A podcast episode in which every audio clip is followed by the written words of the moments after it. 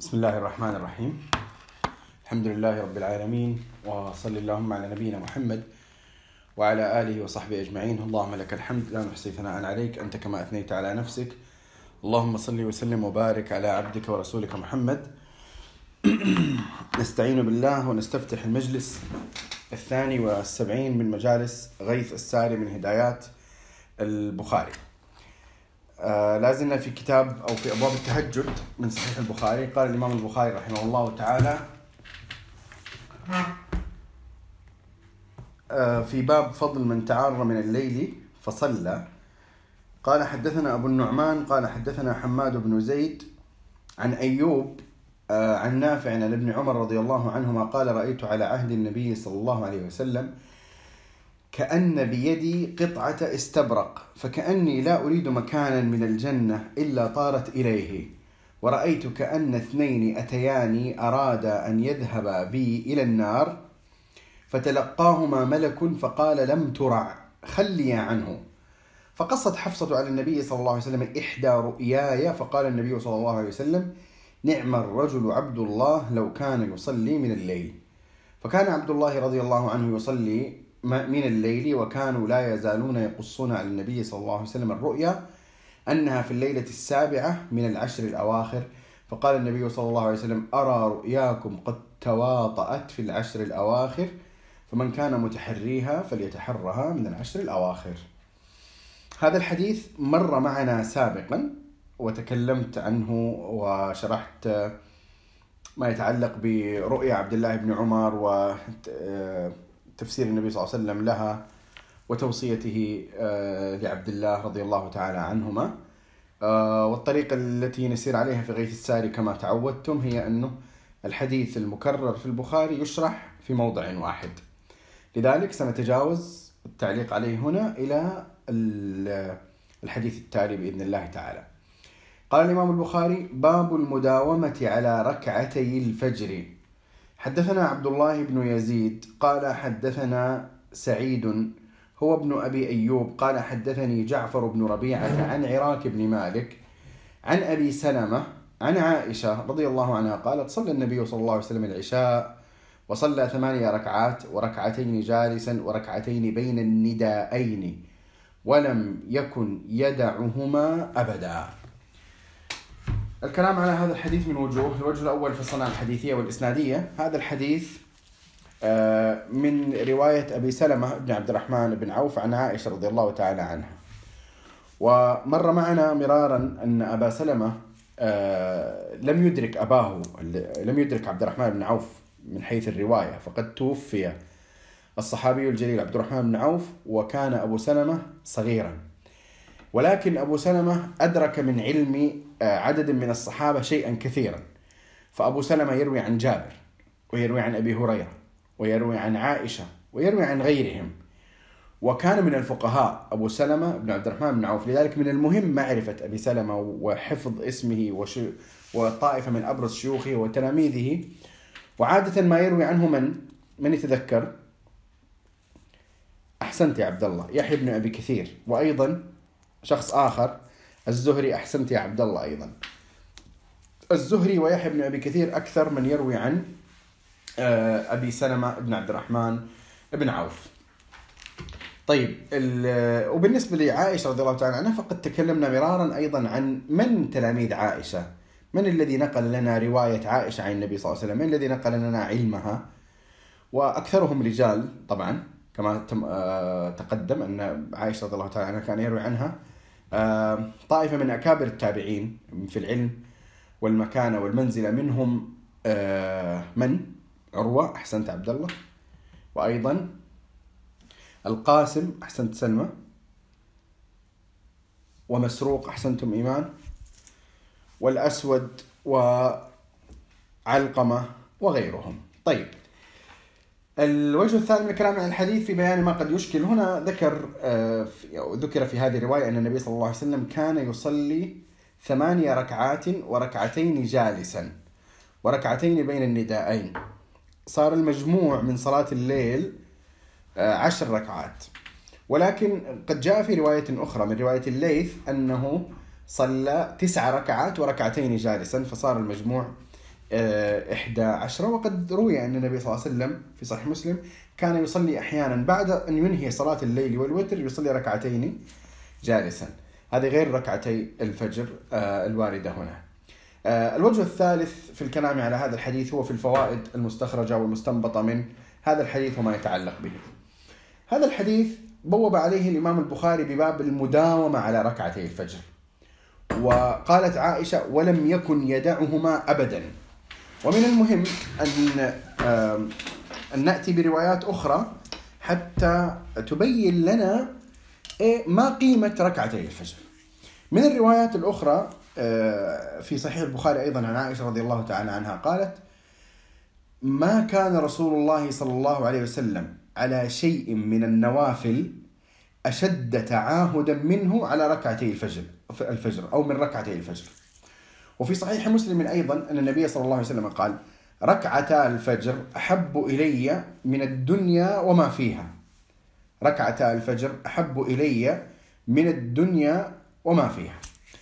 فمن مجموع هذه الأحاديث ستكون الفوائد المرتبطة بهذا آه، أو بالوجه الثالث. فنقول الفائدة الأولى من الوجه الثالث هي أن مراتب العبادات تتفاوت وتتفاضل فيما بينها. وكما أن التفاضل يكون بين الفرائض والنوافل وفي الفرائض فيما بينها فيكون كذلك في النوافل فيما بينها. فركعتا الفجر هي من أفضل القربات عند الله سبحانه وتعالى. ولذلك بعض العلماء أطلق القول بأنها أفضل النوافل على الإطلاق. وبعضهم قدم الوتر. وعلى أي حال أو على أي حال هذا الحديث وما ذكرت من الروايات الأخرى الصحيحة تبين أن ركعتي الفجر عفوا تبين أن النوافل تتفاوت في رتبها وفي آه، كونها مقربة إلى الله سبحانه وتعالى آه، بدرجة أعلى فيما بينها تتفاوت في درجة التقريب آه، أو درجة القرب أو من الله سبحانه وتعالى أو في درجة التقرب لله سبحانه وتعالى. وهذا باب كما تقدم معنا باب عظيم من أبواب الفقه في الدين وهو الذي بسببه ضرب النبي صلى الله عليه وسلم صدر أو على صدر آه، أبي بن كعب وقال والله ليهنك العلم أبا المنذر فكان سبب تهنئة النبي صلى الله عليه وسلم أو قوله لأبي لابي أن أن ليهنه العلم. كان السبب في ذلك أنه أدرك بعض الأمور المتعلقة بمراتب الأخبار في الشريعة آه، وكان ذلك متعلقا بآية الكرسي. فإدراك مراتب العبادات والنوافل والتقربات إلى الله إدراك مراتبها والتفاوت الذي فيما بينها هو من أفضل القرباء من أفضل الفقه في الدين. ثم ما الذي ينبني على هذا الإدراك؟ الذي ينبني على هذا الإدراك هو العمل على ضوء هذا التفاوت. فإذا علمت أن من أعظم النوافل آه، ومن أعظم القربات عند الله سبحانه وتعالى. ركعتا الفجر و آه، أو ركعتي الفجر وعلمت كذلك أن آه، لا إله إلا الله أعظم الذكر وهكذا. فالمفترض أن يكون عملي في التقرب من حيث الحرص والاهتمام والتعاهد والكثرة والتقديم على الغير عند التزاحم أن يكون على ضوء هذه المراتب. وهذا هو التوفيق في التعبد العملي للإنسان وهو من الأسرار التي يتفاوت فيها وبسببها السالكون إلى الله سبحانه وتعالى. اذا هذه الفائدة الأولى من الوجه آه، الثالث. الفائدة الثانية هي في آه، الاهتمام أو ما ينبغي من تعاهد النفس ومجاهدتها وإلزامها على أن تلتزم وتداوم على ما فيه فضل خاص وما يكون من الأعمال المقربة عند أو من الأعمال التي هي في أعلى الدرجات عند الله سبحانه وتعالى. وذلك مأخوذ من قول عائشة رضي الله عنها في الحديث الذي ذكرت لم يكن رسول الله صلى الله عليه وسلم على شيء من النوافل أشد تعاهدا منه من ركعتي الفجر. فهذا هذا اللفظ يوحي بالحرص يعني يوحي يوحي بشدة الاهتمام. لم يكن على شيء أشد تعاهدا فنحن نأخذ هذا المعنى من الاهتمام وننزله على أنفسنا ونقول أعظم طبعا هو في النبي صلى الله عليه وسلم اهتمام ولكن فينا يحتاج إلى مجاهدة نفس ومغالبة أهواء وتغلب على التحديات والإشكالات وما إلى ذلك. فركعتا الفجر من الأشياء التي قد تؤثر في الالتزام بها آه، أكثر شيء مؤثر غالبا هو النوم. إنه الإنسان مثلا يستيقظ آه، في وقت متأخر فلا يدرك إما لا يدرك الوقت أو لا يدرك الجماعة فتفوته ركعتا آه، الفجر. فالفائدة الثانية هي ما ينبغي من التعهد والمجاهدة. و لابد أن نشعر بها. يعني لابد أن نشعر بمجاهدة أنفسنا على ما يكون فيه صعوبة التزام. الفائدة الثالثة هي أنه لا ينبغي ولا يليق ولا يحسن بطالب علم أو بمهتم بأمر دينه ودعوة والدعوة إلى الله سبحانه وتعالى. لا يحسن به ابدا أن يترك أو يتهاون في ما ثبت التأكيد عليه في الشريعة ولو لم يكن واجبا. فإذا كان واجبا فتركه يكون اثما، لكن إذا لم يكن واجبا وأتى فيه التأكيد الشديد فلا ينبغي أن يتركه. لا ينبغي لا يحسن لا يصلح لا يصلح ولا يحسن لمن يريد أن يتبع النبي صلى الله عليه وسلم أن يتعامل مع السنن على درجة واحدة لا هناك من السنن ما لا ينبغي تركه. ركعتا الفجر روى روي عن الحسن البصري مثلا أنه كان يراها واجبة. ولا شك أن هذا القول مرجوح ليس هو الراجح. ولكن هذا من من شدة ما ورد فيها من تأكيد. مثل الوتر تعرفون ورد عن بعض العلماء القول بوجوبها والأرجح أنه ليس أنها ليست واجبة بلا شك. لكن القضية هي أنه لا ينبغي أن نسمح لأنفسنا أو نعطي أنفسنا مساحة تهاون ببعض الأعمال التعبدية لأنها نوافل أو تطوعات ليست واجبة وكذا لا هناك تفاوت. إذا كانت مما ورد التأكيد عليه في الشريعة فإن مما ينبغي على الإنسان أن يواظب عليه ويلتزم ذلك. طبعا أكيد ستأتي أيام تفوت أحيانا ربما أحيانا يغلب التعب أو الكسل أو لكن بشكل عام المفترض الإنسان يداوم ولا يترك هذه آه، العبادات وهذه آه، التعبدات. ولذلك آه، يستحب لمن أو خلينا نقول يعني استحب العلماء لمن فاتته ركعتا الفجر أن يقضيها. لمن فاتته أن يقضيها. وهناك وقتان للقضاء. وقت بعد الصلاة مباشرة.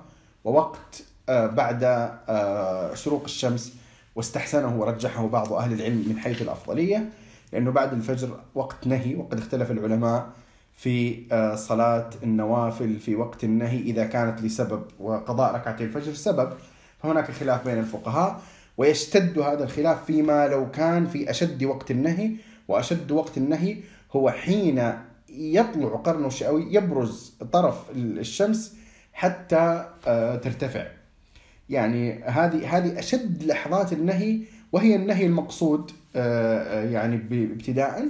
ولذلك إذا مثلا صلى الإنسان الفجر في آخر الوقت فمن الأفضل له أن لا يصلي السنة مباشرة بعد الصلاة إذا فاتته وإنما ينتظر حتى ترتفع الشمس. أما إذا صل إذا أدرك صلاة الفجر في أول الوقت في أول الوقت وفاتته السنة فهنا يكون هناك نوع من التسهيل على الأقل عند كثير من الفقهاء في ذلك. آه، لكن آه، خاصة طبعا يتأكد هذا فيما لو كان سينام بعد الصلاة إلى مثلا الظهر ويعلم أنه لن آه، يستطيع قضاءها.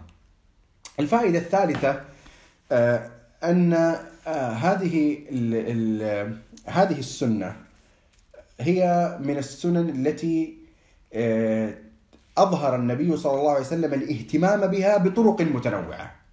والفائدة تكمن في التالي. هو هذه ربما الفائدة الرابعة. الفائدة تكمن في التالي. هي أن الشيء المعظم في الشريعة عادة ما تأتي آه، ما يأتي التأكيد عليه بطرق مختلفة. أن الأمر المعظم في الشريعة حتى لو لم يكن واجبا عادة ما يتم التأكيد عليه بصيغ مختلفة أو في مقامات متعددة. فأنت ترى أن ركعتي الفجر قد ورد الاهتمام فيها في الشريعة بطرق متعددة. منها بذكر أن النبي صلى الله عليه وسلم كان لا يتركهما. وأحيانا بذكر أنه لا يدعها في السفر.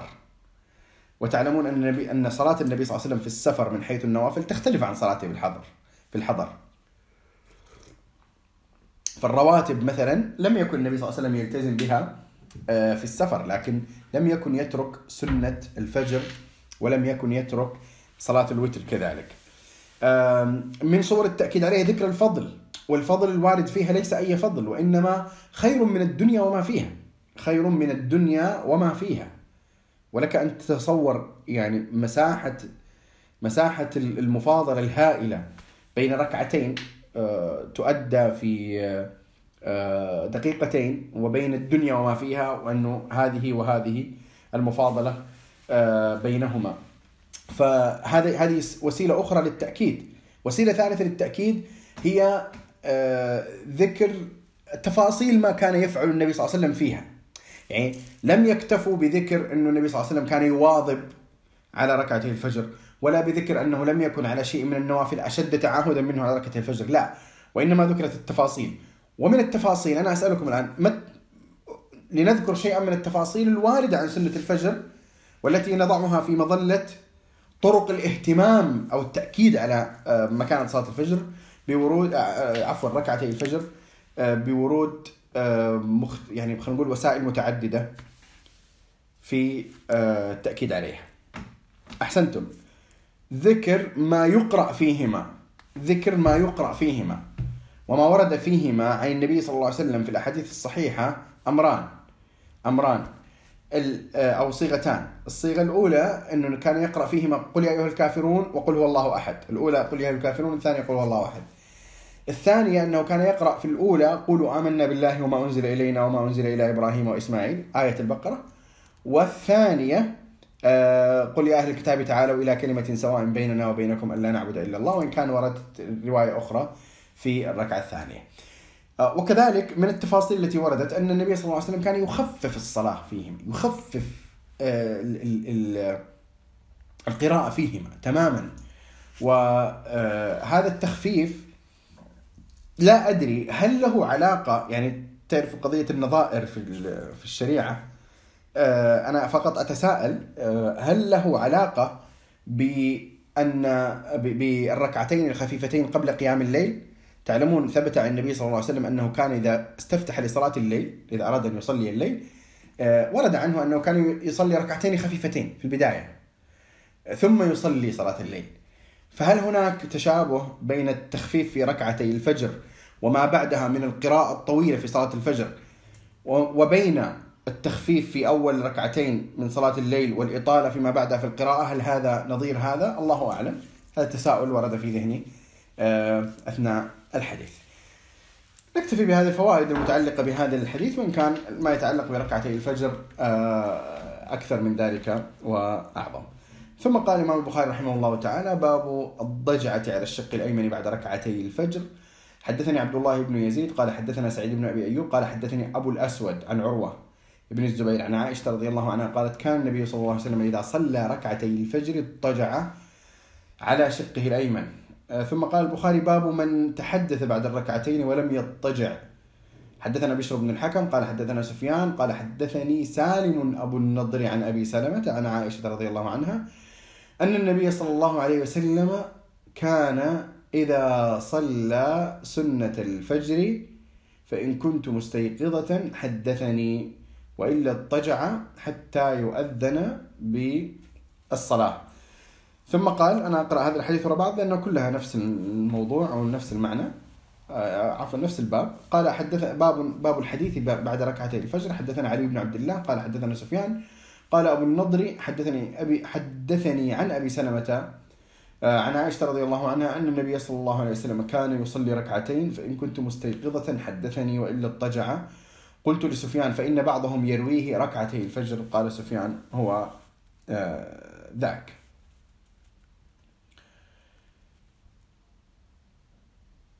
طيب عندكم هذه الأبواب بهذا الترتيب في النسخة التي لديكم ما عندكم هذا هذا الترتيب صح؟ امم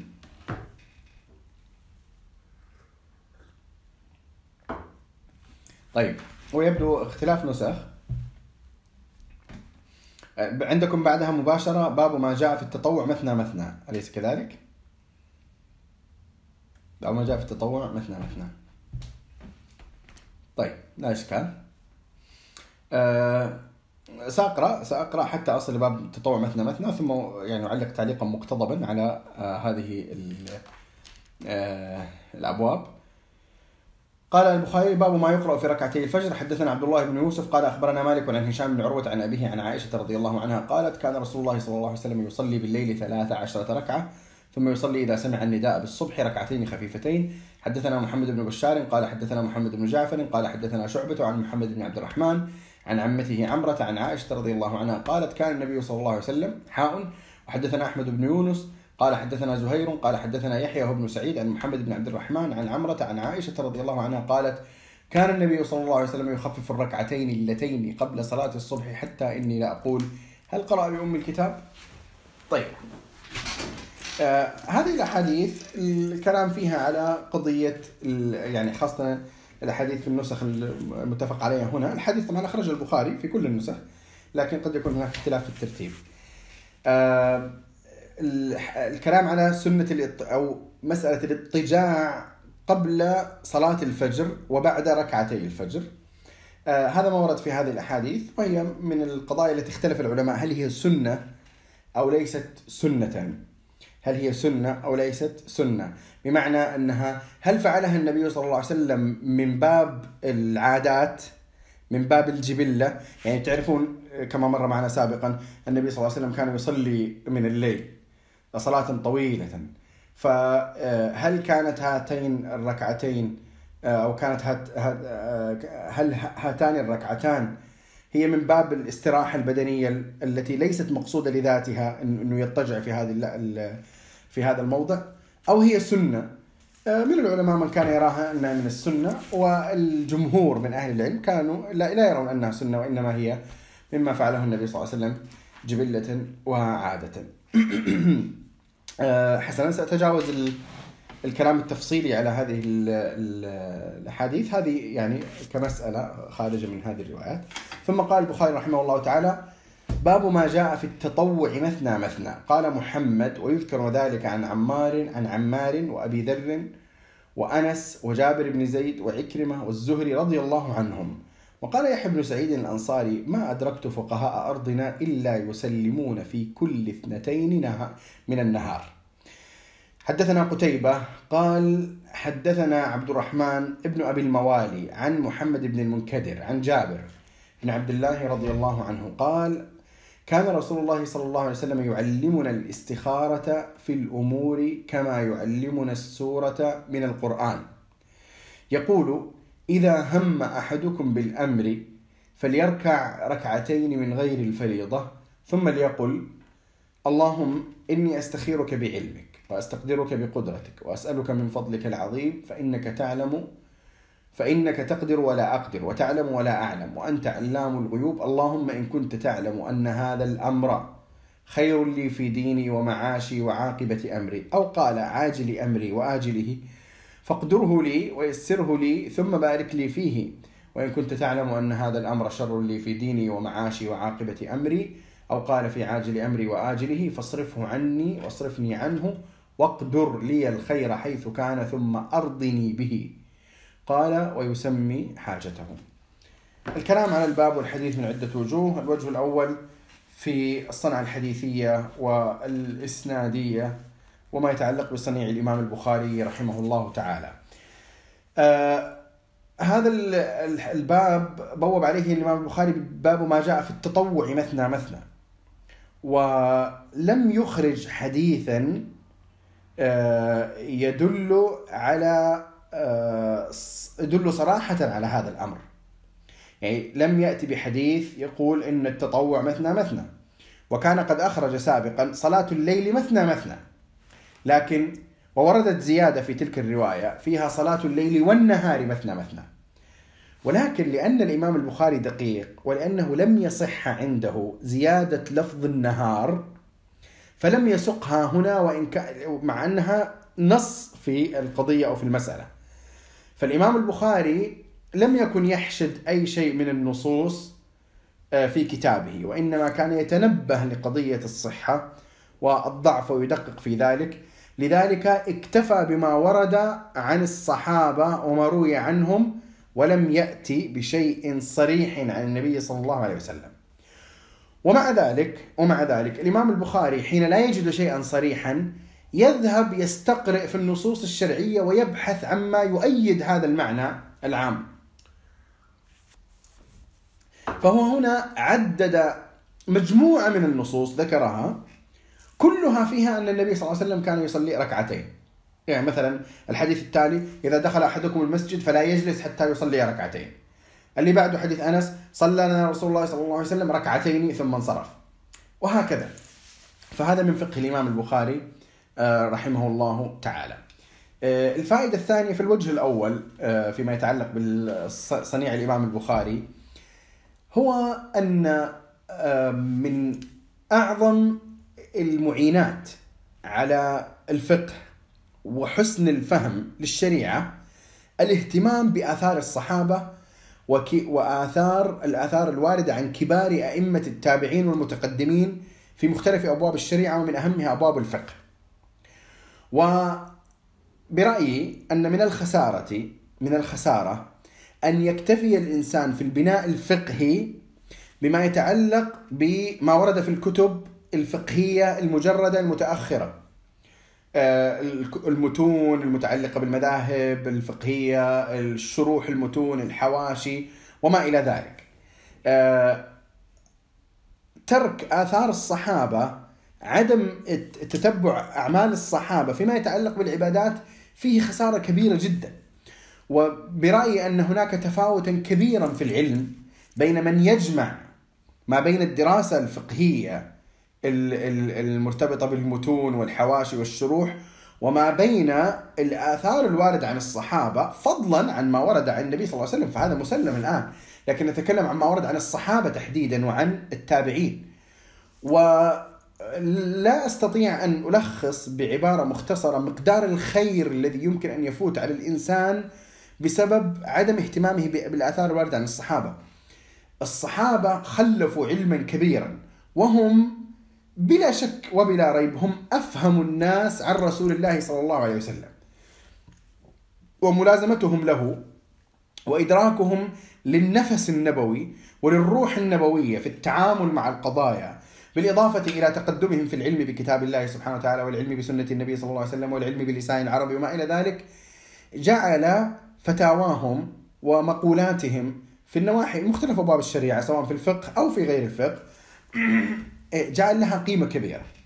ولذلك كان من أبرز ما ميز الإمام أحمد رحمه الله تعالى كفقه آه، هو علمه بآثار الصحابة رضي الله تعالى عنهم وإن كان تميز غيره في أبواب أخرى آه، سواء في الجمع بين الآثار وال والاستنباط أو في التميز في الناحية الاستنباطية آه، وغير ذلك. لكن العلم بآثار الصحابة له قيمة كبيرة. وصحيح البخاري صحيح البخاري من الكتب التي تبرز شيئا شيئا من أهمية آثار الصحابة. فتجدون أن الإمام البخاري رحمه الله يكثر من ذكر المعلقات والمعلقات التي يذكرها هي في كثير منها عن أصحاب رسول الله صلى الله عليه وسلم. ولذلك أنا أنصح آه، بالاهتمام بالكتب التي اعتنت بآثار الصحابة وبآثار التابعين. ومن آه، وهي على أنواع يعني هذه الكتب على أنواع. منها كتب آه، موضوعية يعني تتعلق بأبواب معينة. ومنها كتب آه، جامعة. ومنها كتب مستخلصة من الكتب الجوامع أو الجامعة. وهذه المستخلصة أيضا لها أقسام. لكن سيبقى أن كتابي ابن أبي شيبة وعبد الرزاق هما أجمع ما ورد أو أجمع ما جمع من آثار الصحابة والمتقدمين من أهل العلم فيما أعلم. عدد الآثار في مصنف ابن أبي شيبة 38 ألف أثر 38 ألف تقريبا 38 ألف خبر أو أثر جلها عن الصحابة وعن كبار التابعين. كنز عظيم جدا وكله مسند. وابن أبي شيبة هو شيخ الإمام البخاري. شيخ الإمام البخاري حتى أقدم من الإمام البخاري. آه لذلك أسانيده عالية. آه أسانيده عالية. آه وأنا يعني آه، السؤال عن بعض الكتب المتأخرة في الصحابة لا تساوي الكتب المسندة. الكتب المسندة هي التي يتع... يعني مثل مثل قيمة الكتب المسندة التي نقرأ فيها كتب البخاري والكتب الستة ولما تتكلم عن كتاب مستخلص مثل أربعين نووية ولا بلوغ المرام في فرق كبير بين الأمرين. هذا مستخلص مهذب محذوف الأسانيد. على أي حال لا أريد أن أطيل هنا في هذه القضية أه، لكن أقول أنه من الأشياء التي ينبغي أن يعاد الاهتمام بها ويحيى لأنه حقيقة هناك أشبه ما يكون بالقطيعة مع فقه الصحابة ومع أه، فقه كبار التابعين ولا أقصد بالفقه هنا مجرد المسائل المسائل العملية الفقهية. فيما اصطلح عليه متأخرا بعلم الفقه لا. وإنما أقصد علوم الصحابة مرتبطة بتفسير القرآن مرتبطة بالآداب مرتبطة بالتعبد إلى آخره. كلها موجودة في مثل ابن أبي شيبة وفي آه، مصنف عبد الرزاق. القطيعة الموجودة آه، يعني أمر سيء ومما ينبغي أن يعاد إحياؤه هو إعادة إحياء الاهتمام بما بموروث أصحاب رسول الله صلى الله عليه وسلم خاصة آه، الأئمة المهديين الراشدين الخلفاء الأربعة. الذين ورد الحث عن النبي صلى الله عليه وسلم في آه، اتباعهم. آه، الوجه الثالث من الكلام على الوجه الثاني من الكلام على الحديث هو في بيان ما قد يشكل من المعنى. الحديث إن شاء الله واضح ومعروف. الوجه الثالث الفوائد المستخرجة والمستنبطة من حديث الاستخارة. الفائدة الأولى هي آه، في اهتمام النبي صلى الله عليه وسلم بتلقي الصحابة رضوان الله تعالى عليهم وأنه لم يكن يكتفي بطرح المعلومة. لم يكن يكتفي بطرح المعلومة.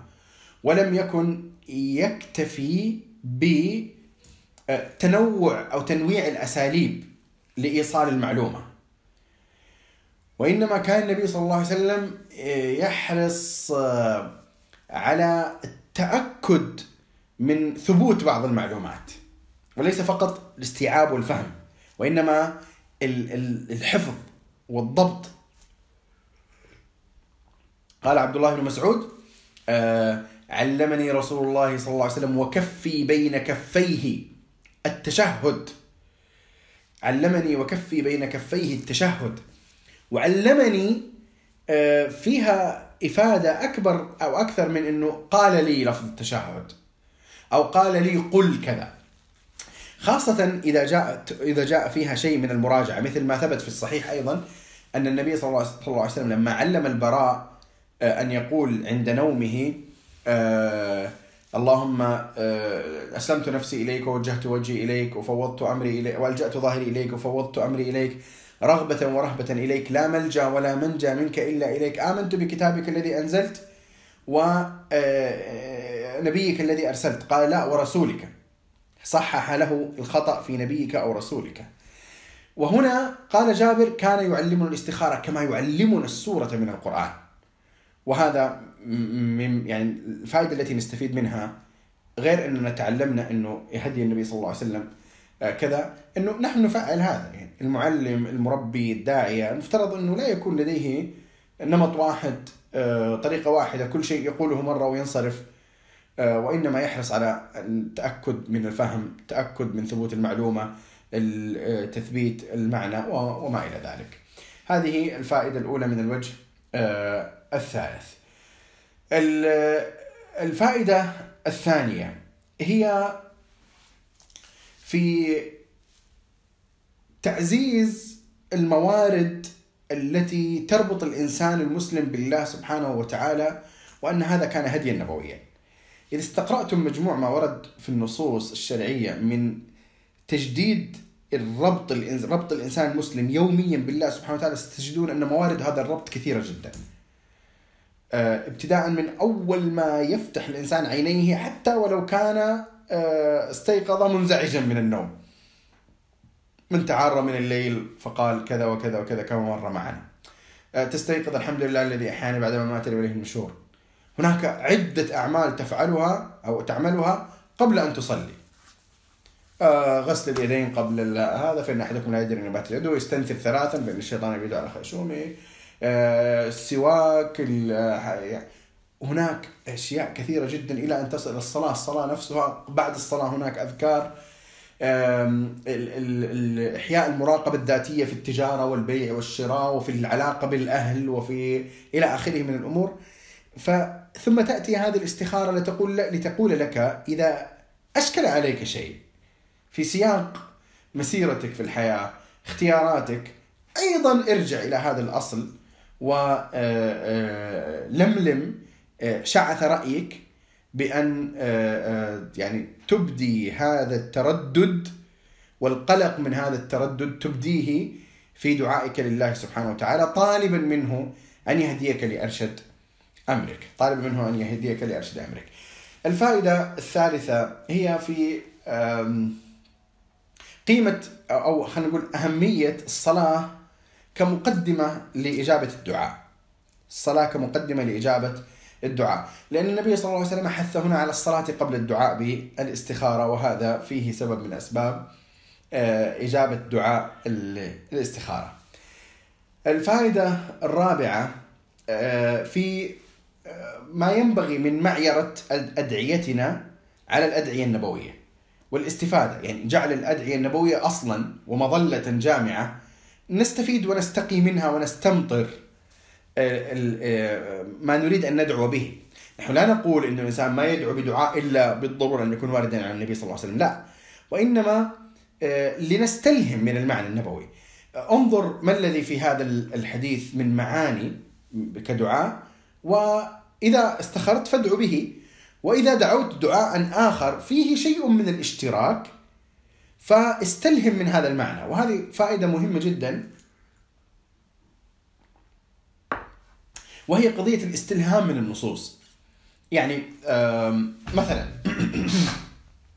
أنت إذا أردت أن تدعو بشيء فيه معنى التوكل. فيه معنى التوكل. من أعطوني بعض النصوص التي ممكن تستلهم منها شيئا أو معنى أو أسماء وصفات تدرجها في كلامك في دعائك عن التوكل. ها؟ هذا مثال على أنه يعني كيف الواحد ممكن يستلهم من أشياء ليست واردة بعينها ولكن إذا أراد أن أن يدعو في مجال له اتصال بمجال آخر يا سلام وتوكل على الحي الذي لا يموت. وتوكل على العزيز الرحيم رائع. يعني يعني مثلا في سياق دعائك عن في, شيء فيه توكل آه، ممكن تقول آه، يا حي يا عزيز يا رحيم أعني على التوكل عليك مثلا. أعني التوكل. هنا لم يأتي هذا النص مركبا بهذه الطريقة في أدعية النبي صلى الله عليه وسلم.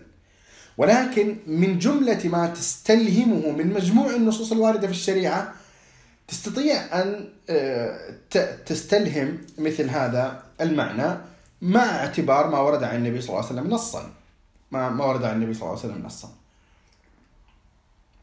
وأيضا زيادة على ما ذكرتم رب المشرق والمغرب لا إله إلا هو فاتخذه وكيلا. فالفائدة هي في إمكان الاستلهام أو جعل النص النبوي أو الدعاء النبوي أصلا ومن ثم آه، الاستلهام ما يمكن استلهامه في خارج هذا المورد. الفائدة الخامسة أو الرابعة نسيت الفائدة الرابعة ربما آه، هي في في آه، ضرورة مراجعة الإنسان تعريف نفسه الذي وجد بسببه أو وجد فيه في في ظرف هذه الحياة. وهو أنه عبد محدود العلم محدود القدرة لإله كامل العلم كامل القدرة. ففي دعاء الاستخارة فإنك تعلم ولا أعلم تقدر ولا أقدر وأنت علام الغيوب. وهذا ليس مجرد دعاء هذا فيه تعريف إعادة تعريف العبودية إعادة تعريف أنه الإنسان آه، يقف بين يدي علام الغيوب وأنت علام الغيوب. آه، ثم وفيها في في جملة الاعتراف آه، إن كنت تعلم أن هذا الأمر خير لي في ديني ومعاشي وعاقبة أمري. يعني يا ربي أنا قد أختار شيئا وهذا سيقودنا إلى الفائدة التالية الخامسة وبالتالي أدمج بينهما. وهو وهي أنه أنه من أعظم ما يعين الإنسان على الرضا والسكون وعدم التسخط هو أن يدرك أنه ليس عالما بعواقب الأمور على وجهها التام.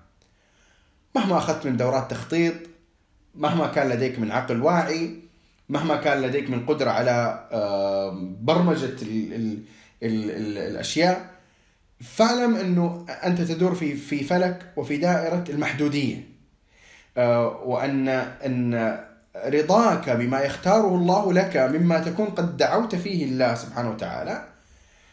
فتقول لعلي لعل حرصي هذا المحدود والعاجل في قضية ما لعله ليس خيرا بهذا في هذا الإطار. فاللهم سلمت الأمر إليك. سلمت الأمر إليك. أنت أعلم مني بعاقبة هذا الأمر ونهاياته. لذلك دعاء الاستخارة يفيدنا هذين المعنيين. المعنى الأول إعادة معنى تعريف العبودية وأني أنا آه، لا أعلم لا أقدر وأنت تعلم أنت تقدر أنت علام الغيوب. وبناء على هذه المقدمة التي أعترف لك فيها يا ربي بتام عبوديتي واحتياجي وبكمال علمك وقدرتك آه، بناء على ذلك أو بناء على اعترافي هذا أطلب منك يا الله بعلمك وقدرتك أن تقدر لي في هذا الأمر الذي أنا آه، متردد فيه أو أنا لا أعلم عاقبته آه، وهذا هذا من أهم المعاني التي يمكن أن تؤخذ آه، في أو من دعاء الاستخارة. الفائدة السادسة هي في أهمية الجمع بين العلم والقدرة في الدعاء. الجمع بين العلم والقدرة في الدعاء. وهنا أنتم ترون أن النبي صلى الله عليه وسلم قال في الدعاء إن إنك تعلم ولا أعلم وتقدر ولا أقدر أو تقدر ولا أقدر وتعلم ولا أعلم. فالجمع بين أنك تعلم وتقدر. ويمكن أن يضاف إلى هذا إلى هذين الاسمين أو هذين الصفتين أو هذين الوصفين في غير هذا الدعاء آه، بحيث يكون هذا من أجمع ما يدل على الصفات الإلهية صفة الرحمة. صفة الرحمة. فتمام العلم وتمام القدرة وتمام الرحمة آه، هذا إدراك هذه المعاني الثلاثة آه، فيما يتعلق بالله سبحانه وتعالى آه، من أعظم ما ما يمكن أن يدعو الإنسان به ويتقرب به إلى الله سبحانه وتعالى ويثني فيه أو به على الله سبحانه وتعالى. أكتفي بهذا القدر وأسأل الله سبحانه وتعالى أن يتقبل منا ومنكم صالح الأعمال وصلى اللهم على نبينا محمد وعلى آله وصحبه أجمعين.